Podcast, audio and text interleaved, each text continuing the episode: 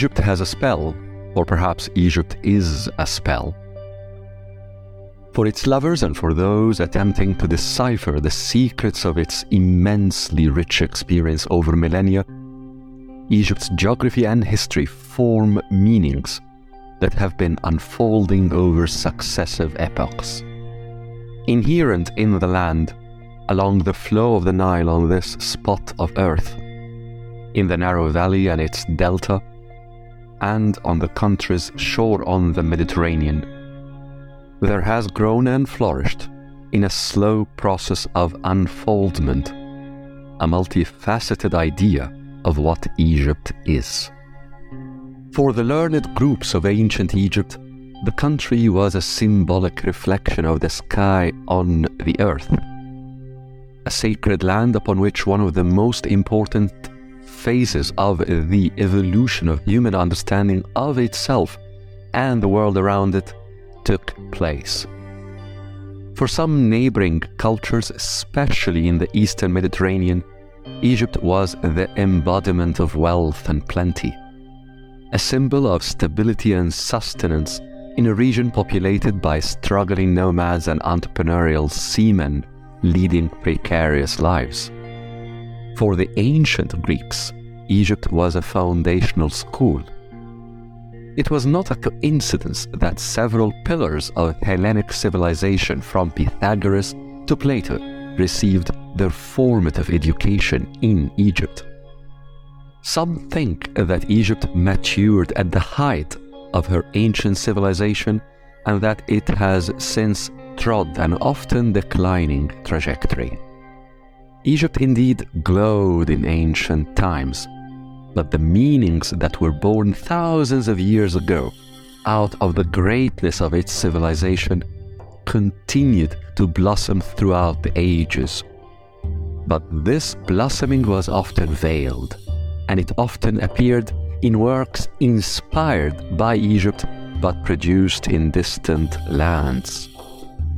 It was also not a coincidence that many learned leaders of different countries and throughout different ages chose to put symbols of Egypt on the landmarks of power in the most notable parts of their capitals.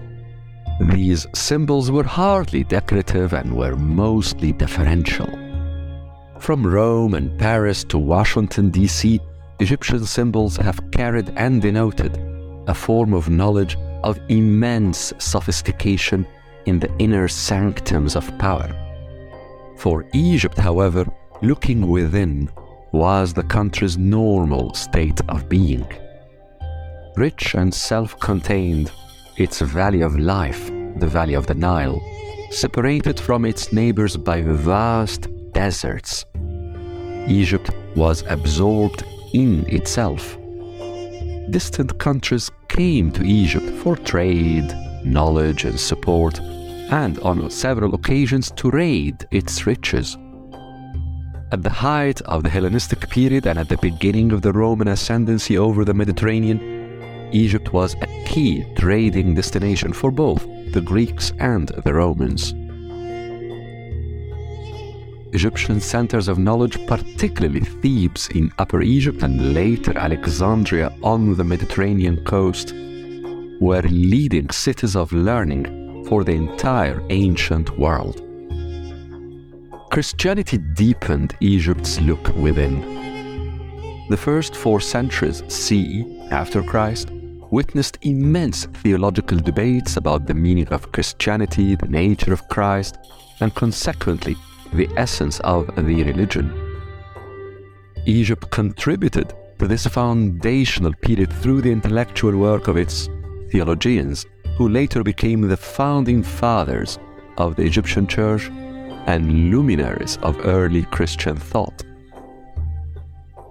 Egypt's contributions, however, transcended narrow theology and extended to wider philosophy.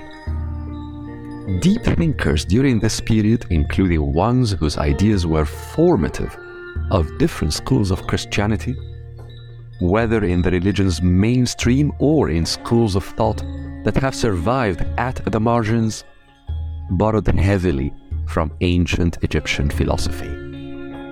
this was a continuation of Mediterranean and later Western delving into Egyptian ideas to form new understandings of the divinity, humanity, and the interactions between them. Egypt's look within ceased with the arrival of Islam in the 7th century CE. This shifted Egypt's scope and attention eastwards.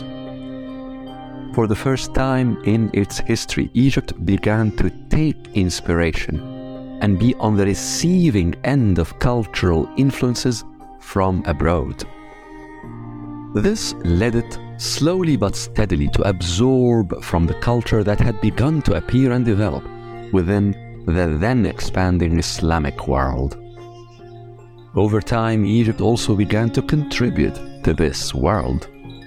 But by and large, Egypt's entry into the Islamic world resulted in influences from without, much more than expressions from within. Expressions of Egyptian thought underwent a low period during the long six centuries of Mamluk and then Ottoman rule. During this period, Egypt became simply a province to be exploited and one of less and less importance rather than a seat of power, let alone a commanding presence or inspiring idea.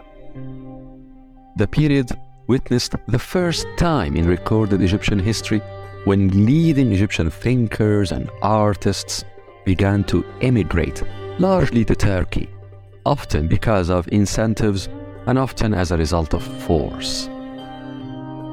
However, the situation changed in the early 19th century.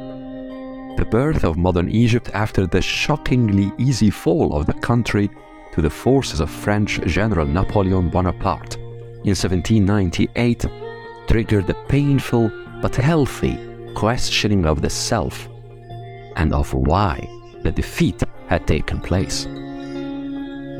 Egypt's new ruler, Muhammad Ali Pasha, put in place a new project to create a strong modern state in Egypt in the first half of the 19th century.